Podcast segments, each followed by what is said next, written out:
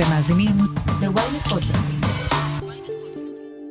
רפורמת הגיור צפויה לעבור בכנסת, אבל ממש לא בטוח שתביא יותר מתגיירים. אני סיון חילאי, וזאת הכותרת.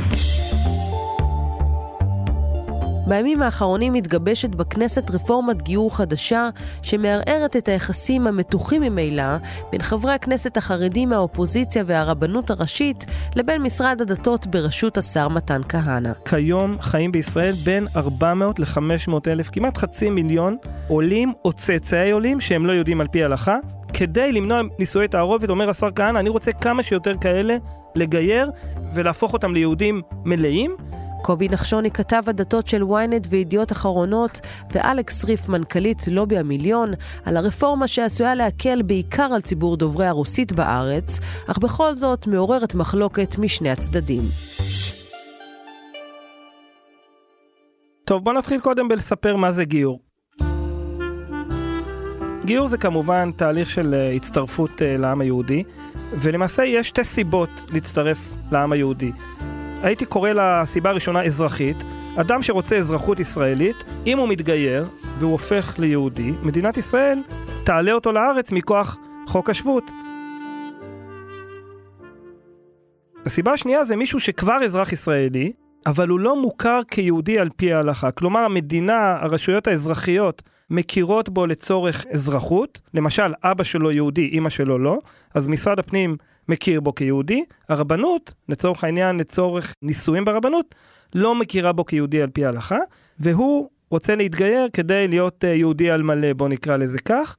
למעשה רפורמת הגיור מתייחסת לקבוצה השנייה, למאות אלפי אזרחי ישראל שמוכרים כיהודים לעניין חוק השבות, לעניין רישום אוכלוסין, אבל הם לא מוכרים כיהודים על ידי הרבנות, הם לא יהודים על פי ההלכה, והשאלה איפה הם יתגיירו, האם הם יתגיירו, עד היום אנשים כאלה היו יכולים להתגייר רק בבית הדין הרשמי של המדינה שכפוף לרבנות הראשית. היום בא השר כהנא, הממשלה, ורוצה בעצם לאפשר לכל רב עיר להרכיב איזשהו הרכב ולגייר את מי שהוא רוצה. תזכיר החוק שהגשתי היום, שנכתב בליווי צמוד של זקן רבני הציונות הדתית, הרב חיים דרוקמן שליטה, שהיה גם ראש מערך הגיור, הוא הדרך היחידה להתמודד עם האתגר הזה, שהוא נוגע בעומק הסוגיה של הזהות היהודית של מדינת ישראל. אני קורא לרבנות הראשית לשתף פעולה עם תהליך החקיקה ש... למה בעצם אה, שר הדתות אה, מתן כהנא רוצה בכלל לקדם את הרפורמה הזאת? תראי, הוא כל הזמן מדבר על כך שחיים בינינו, כמו שאמרנו, מאות אלפים, שהם ממש בשר מבשרה של החברה הישראלית לכל דבר ועניין. הוא בא ממקום מאוד הלכתי של למנוע נישואי תערובת, למנוע התבוללות. הוא אומר, אחד כזה שהוא נכד לעולים משנות התשעים, או בן לעולים משנות התשעים, הוא לא יהודי על פי ההלכה, אבל הוא חי כיהודי וכישראלי לכל דבר. הוא מכיר את הבנות שלנו, את הילדים שלנו, נקשרים קשרים זוגיים, מתחתנים, ומבחינת ההלכה, יש פה נישואי תערובת, כי למרות שהאדם הזה מוכר כיהודי על פי החוק השבות, וחי כיהודי וכישראלי לכל דבר, ושירת בצבא, וישראלי על מלא, מבחינה הלכתית הוא לא יהודי. כדי למנוע נישואי תערובת, אומר השר כהנא, אני רוצה כמה שיותר כאלה לגייר, כדי להשלים תהליך ו- ו- ולהפוך אותם ליהודים מלאים. והמצב היום, הוא טוען, לא מאפשר את זה. יש החמרה של הרבנות בגיורים, כתוצאה מכך הם לא רוצים לבוא, וטוב להם עם החיים האלה, הם ישראלים לכל דבר, אבל אוקיי, לא נתחתן ברבנות.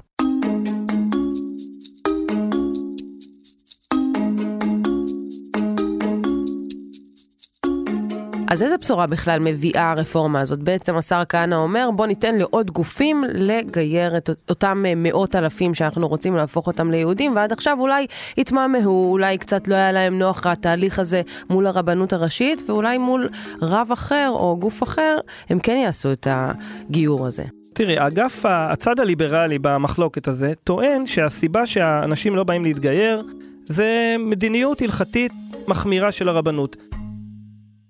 בבסיס העניין עומדת החובה לקבל מצוות. אדם שבא להתגייר, לפי ההלכה, למרות שרוב עם ישראל לא דתי ולא שומר תורה ומצוות, שער הכניסה לעם היהודי מחייב קבלת מצוות. כלומר, אדם שרוצה להתגייר חייב להפוך לאדם דתי או חרדי. למעשה זה שורש המחלוקת, זה הדבר שמרחיק הרבה ישראלים, שוב, בדרך כלל מעולי ברית המועצות לשעבר, שהם לא יהודים על פי ההלכה, הם כן מסורתיים, הם מאוד לאומיים, הם משרתים בצבא, הם חלק מעם ישראל, אבל הם לא רוצים להפוך לאנשים דתיים, וכשהם באים להתגייר, אומרים להם, אתם חייבים להיות דתיים. בשאלה הזו, מה זה להיות דתי, למעשה, זה שורש המחלוקת. כמה מצוות אדם צריך לקבל על עצמו כשהוא בא להתגייר כדי להצטרף לעם היהודי.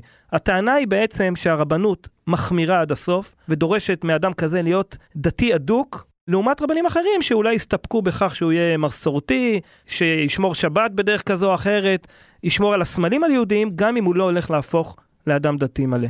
ואנחנו יודעים כמה בעצם מתגיירים פוטנציאליים כאלה יש, הרי אנחנו יודעים שלאורך השנים עלו לפה הרבה מאוד אלפים מברית המועצות אה, לשעבר, עכשיו כמובן שהם אה, כבר אה, דור שני ושלישי בארץ, בכמה אלפים מדובר? אז תראה, דמוגרפים ומומחים לעניין, אומרים שכיום חיים בישראל בין 400 ל-500 אלף, כמעט חצי מיליון עולים או צאצאי עולים שהם לא יודעים על פי הלכה, וואו. ואינם בני דת אחרת, זה חשוב גם להזכיר איזה כוכבית שמופיעה ב- בחוק השבות. כלומר, הם לא נוצרים, הם לא בני דת אחרת, הם צאצאי יהודים, חיים כיהודים, אבל מבחינה הלכתית הם לא יהודים כי אימא שלהם הייתה לא יהודייה. ולמעשה הקבוצה הענקית הזו, מדברים עליה כפצצת התבוללות מתקתקת, כן? זה קצת לא פוליטיקלי קורקט לומר את זה, אבל זה בעצם המניע, זו המוטיבציה של השר כהנא ושל רבנים שתומכים בזה, כדי למנוע מהם להיטמע בעם ישראל ולהתבולל, אנחנו רוצים לגייר אותם. עכשיו, השאלה האם כל חצי המיליון האלה הם הקהל היעד, אני לא בטוח. וזה גם לא PC לומר, אבל בוא נגיד את זה, כי שני הצדדים אומרים את זה בפה מלא. אם החשש הוא מהתבוללות, אז קהל היעד הוא בעצם קבוצה הרבה יותר מצומצמת של נשים בגיל הפריון.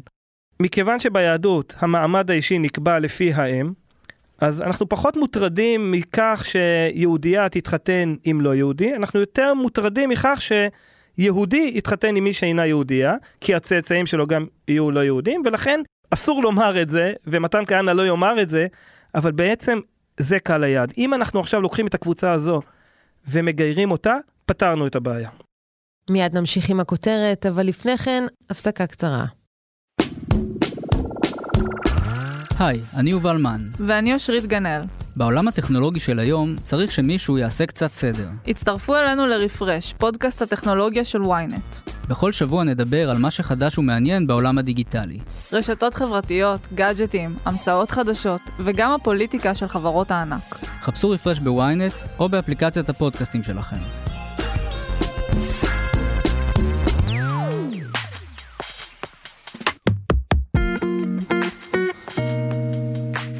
אלכס ריף, אפשר לומר שהרפורמה הזו היא מיועדת בעיקר לדוברי הרוסית בישראל? אפשר לומר את זה מאוד. יש היום 400 אלף ישראלים דוברי רוסית שלא יהודים על פי ההלכה, והרבה פעמים אומרים לנו, אבל uh, הרכבת יצאה מהתחנה. זאת אומרת, הם גם לא רוצים בכלל, 30 שנה אחרי, הם לא מעוניינים לעבור תהליך גיור.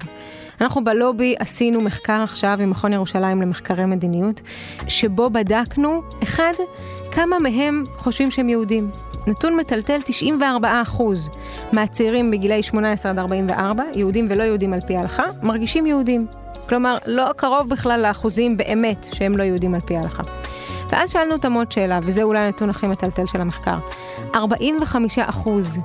ממי שהוא לא יהודי על פי ההלכה, בגילאי 18 עד 44, העיד שאם יעשו שינויים בתהליך הגיור האורתודוקסי ברבנות, הם יהיו מעוניינים לשקול תהליך גיור או לעבור תהליך גיור. ואז את בטח אה, שואלת, איזה שינויים למשל? אז חלק מהשינויים האלה רלוונטיים למה שהולך להיות ברפורמה, וחלק לא נמצאים ברפורמה. למשל, אחד מהדברים שנאמרו זה שתהליך הגיור כפי שהוא כיום לא מספיק מכבד, אה, לא סומך על המתגיירים, יש איזו תחושה של חוסר אמון וחוסר כבוד. אז זה דווקא, אני חושבת, משהו שהרפורמה מטפלת בו. כי היא מכניסה לפול הרבה יותר רבנים, חלקם תפיסות יותר ליברליות, פחות ליברליות, שמסתכלים על הדבר הזה בצורה פתוחה. ומצד שני, יש כל מיני דברים כמו למשל, להתרכז במתגייר ולא בבני המשפחה שלו. היום הליך הגיור בעצם מבקש גם מהמשפחה לעבור את התהליך הזה, בן הזוג צריך גם להיות דתי, הילדים צריכים להישלח למסגרות דתיות. ומה שהמתגרים היום אומרים, תתמקדו בי. כלומר, לסיכומו של עניין, יש עניין, ובעיניי הרפורמה הזאת, קודם כל זו בשורה. זו בשורה שאומרת, הגיור הוא באמת יעד לאומי, שחשוב למדינת ישראל, לאפשר למי שרוצה מאותם אלה שאינם יהודים על פי ההלכה, להיות יהודים על פי ההלכה. התפיסה משתנה מתפיסה של התבוללות וכל מיני מילים כאלה נוראיות לתפיסה של יש לנו כאן לקוחות שאנחנו רוצים לעזור להם אה, להיכנס לתוך היהדות ולקרב אותם. שזה מאוד מרגש וזה חדשני וזה סוף סוף קורה 30 שנה באיחור. אז התפיסה הזאת של, של הביזור תהליך הגיור לרבנים עירוניים היא ברכה והיא התחלה של אה, אה, ממש תקופה חדשה שבעיניי תכניס הרבה אנשים פנימה לתוך העם היהודי. אבל יש בחוק הגיור או בטיוטת חוק הגיור כפי שהיום גם הרבה סכנות. השאלה הגדולה היא, מה ייתנו לאותם רבנים? אחד, כמה עצמאות וסמכות ייתנו להם? האם תהיה להם עצמאות וסמכות מהתחלת התהליך ועד סופו? כמובן לפי ההלכה, אבל לפי ראות עיניהם בהלכה. כן, אני מזכירה, הם כולם רבנים שהוכשרו על ידי הרבנות. לא מדובר כאן על, על לצאת החוצה, לפתוח, זה רבנים אה, אה, אורתודוקסים שהוכשרו על ידי הרבנות.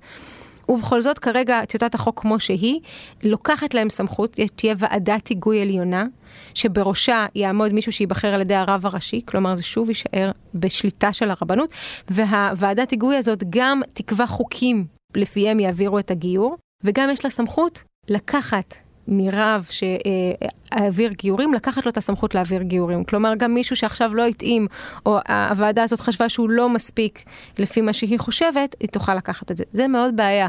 אם בסופו של דבר אנחנו עושים חוק גיור, שעד היום במדינת ישראל אין חוק גיור, כן, הכל פועל ללא, ללא חוק בנושא הזה, אבל אם אנחנו פתאום מכניסים לחוק הזה סמכות שמחשקת ונותנת עוד כוח למי שכבר היום יש לו יותר מדי כוח בנושא, אז זאת סכנה ברורה לעתיד של התחום הזה, ו, ובמשפט משפט אחרון, זה בעצם יכול לגרום בדיוק לפחד שלנו. מה הפחד שלנו? שלא יגיעו. באיזה מצבים בכלל אה, ישראלים שחיים פה, כמו שאת אומרת, 20-30 שנה, ירצו לבוא ביום בהיר אה, ולעבור גיור? אז הרבה אה, עוברים סביב נישואים.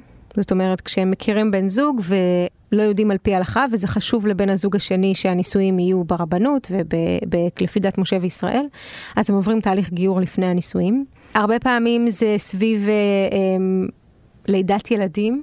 היום המצב במדינת ישראל הוא אבסורדי, כן? כי מה קורה היום אם אתה עובר למשל גיור רפורמי, או אפילו גיור כהלכה, שזה גיור אורתודוקסי לכל דבר ועניין, זה בית דין פרטי. אתה אחר כך נחשב יהודי, קיבלת כביכול, ואתה יכול להירשם במשרד הפנים כיהודי, אבל אתה עדיין לא מוכר על ידי מוסדות המדינה. וזה לצערי מצב שהרפורמה שלנו לא פותרת. היום הרפורמה מתמקדת במעמד בית הדין. זאת אומרת, ממש במי שכבר סיים את תהליך הלמידה והולך ונבחן, מה שנקרא בגרשיים. אבל לפני זה יש תהליך של אולפן גיור. עכשיו, מי שעלה לארץ, למשל בעלייה עכשיו באוקראינה, שמביאים מטוסים ומצילים את מי ששם נמצא, אז זה מאוד הגיוני שרלוונטי לאולפן גיור של שנה. אבל אנשים כמוני כמוך, שפרקטיקלי נולדו פה, כאילו הם, הם מגיל אפס פה, אה, בתי ספר אה, ממלכתיים פה, הם, הם, הם ישראלים לכל דבר ויהודים לכל דבר, צריך להבין שהליך גיור הוא הליך שיש לו השפעה על הזהות של אדם. אתה בעצם אומר לבן אדם, מי שאתה עד היום לא מספיק טוב, אתה צריך לעבור הליך המרה. יש הרבה אנשים שזה עדיין חשוב להם, אבל התהליך הזה צריך לעשות בצורה מכבדת, שמבינה את זה שהם פה כבר 20 ו-30 שנה, והם יהודים וישראלים כמונו וכמוך, ואי אפשר עכשיו להכריח אותם לעשות אולפן גיור. וכרגע ברפורמה הזאת הדבר הזה לא משתנה, הם יהיו מחויבים לשנת אולפן גיור. וואו, ואני מניחה שלאורך השנים שמעת הרבה מאוד תלונות של אנשים שפשוט אומרים, אני לא מסוגל לעשות את זה. הרבה מאוד, הרבה מאוד סיפורים על נשירה, והנשירה הרבה פעמים היא סביב סיפורים של, קודם כל של כבוד, של איזושהי תחושה של זלזול, שלא רואים אותי, של חושבים שאני לא מספיק. יש כל כך הרבה הבדלי מנטליות בתהליך הזה. למשל, יש איזה אלמנט מהותי בתהליך הגיור, לגרום למתגייר לבוא שוב ושוב. בוא נגיד, זה לא כתוב בשום אה, נייר, אבל ממש מדיניות כזאת שמכשילים מתגיירים, זאת אומרת, אומרים להם, לא עברת, תחזור אליי עוד כמה חודשים, תלמד עוד, תעמיק עוד, תראה לי שאתה יודע עוד, כדי כאילו, בוא תוכיח לי שאתה כל כך רוצה את זה. בשביל דוברי רוסית, לבוא להגיד להם, לא עברת את המבחן, אתה לא מספיק טוב, זה פגיעה כל כך מהותית. אם מראש אומרים לחברים, יש שלושה שלבים. כל פעם יש לכם תחנה שבה אה, אתם צריכים להעמיק ולהעמיק, להעמיק, היו מסתכלים על זה אחרת, אבל הכישלון הזה, התחושה הזאת שמישהו אומר לך, אתה לא מתאים, אתה לא מספיק, היא נוראית. ובמיוחד שאנחנו מרגישים, וישראלים לכל דבר, וכמו שאמרתי לך, אפילו יהודים לכל דבר, רבים מהם מרגישים יהודים, אפילו שהם לא יהודים על פי ההלכה. מאוד מאוד בעייתי. אה, אז, אז כאלה סיפורים אנחנו שומעים, אנחנו שומעים סיפורים על כאלה שנופלים אה, בתהליך הגיור כשהם נדרשים להעביר ילדים למסגרות דתיות. את יודעת, זה לנתק ילד אה, מכל החיים שלו, באמצע החיים ולהעביר אותו מסגרת. לא אומרים לך אתה עכשיו צריך להתנהג יותר יהודי, אומרים לך אתה צריך עכשיו להתנהל כמו בן אדם דתי. אפילו דתי בואכה חרדי. זאת אומרת, להעביר ילד למסגרת דתית באמצע החיים מאוד מאוד קשה, וזה מפיל הרבה מאוד אנשים. וכמו שאת אומרת, זה בדרך כלל כבר אתה שמעת מבני משפחה שעברו את התהליך, או חברים שעברו את התהליך ונרתעו ממנו, ואולי לא סיימו אותו, ואני מניחה שגם הרבה מהם סיפרו לחברים ולבני המשפחה שלהם את העוולות אה, שביניהם אה, הם רואים כך שהם עברו. אז את בכל זאת מאמינה שכשתהיה הרפורמה הזאת, יבואו יותר אנשים וכן ירצו להתגייר? זאת שאלה מעולה. Uh, הרפורמה בנוסח שלה כרגע, יש בה עדיין הרבה הרבה בעיות. אני אפילו נוטה להגיד שהרפורמה בנוסח שלה כרגע זה יותר רע מטוב. כן? כי כרגע זה נותן יותר כוח לאנשים שכבר היה להם קודם כוח, ובהרבה מובנים לא משנה את המצב הקיים. אבל הרפורמה הזאת כרגע מגיעה לוועדה לשירותי דת, לדיונים מעמיקים, ובתקווה שלנו לשיפור. בדיוק במקומות האלה. בסופו של דבר, אם עשינו את כל המהלך הזה, והרי השר מתן כהנא עובר על זה מרורים, כן? הוא חוטף מכל צד וגם מהרבנות, שזה מופלא בעיניי, כן? שהרבנות מתנגדת לזה שאין כאן שום דבר. בסופו של דבר, רבני ערים אורתודוקסים שהוסמכו על ידה, אין כאן שום חידוש גדול, ובכל זאת היא מתנגדת. אגב, אולי מהחשש שמה, אם היא לא תתנגד זה יתפרש כבסדר, ואולי יעשו עוד דברים, אז אם היא מתנגדת כבר אי אפשר לזוז לשום מקום. ואם בסופו של דבר, עם כל מה שהוא עבר ועם כל הקושי הזה, אז גם לא יגיעו מתגיירים, למה עשינו את כל הדבר הזה? חייבים להוציא כאן טיוטת חוק שרואה את הצרכים של השטח. כן, אף אחד לא מבקש עכשיו להביא את הישועה יותר טוב מרע. אז אני חושבת שכן יהיה כאן אה, הרבה יותר מתגיירים שירצו לעבור את התהליך הזה ממקום חיובי, טוב, של אהבת היהדות, של אהבת המורשת הזאת. נחיה ונראה. בהחלט. אלכס ריף, תודה רבה לך. תודה רבה לכם. מי אמר בכלל שאותם אה, אנשים ירצו לבוא להתגייר? הרי בוא, לפני, אנחנו שמענו לאורך השנים כל כך הרבה תלונות נגד המוסד הזה, ושמענו כל כך הרבה סלבים, אה, אנשים מאוד מוכרים, שיצאו נגד ההליך הזה של הגיור. אולי לאנשים כבר לא בא להתגייר, כבר לא מעניין אותם התבוללות כמו שמעניין את שר הדתות מתן כהנא. אז זו שאלה מעולה, כי את נוגעת בדיוק בנקודה ש... בגללה אני טוען הרפורמה הזו כמעט אה, חסרת משמעות. יש בה בשורה גדולה כמו שאמרנו, זה יכול להקל ולפשט את תהליכי הגיור. השאלה בסוף אם אנשים רוצים להתגייר.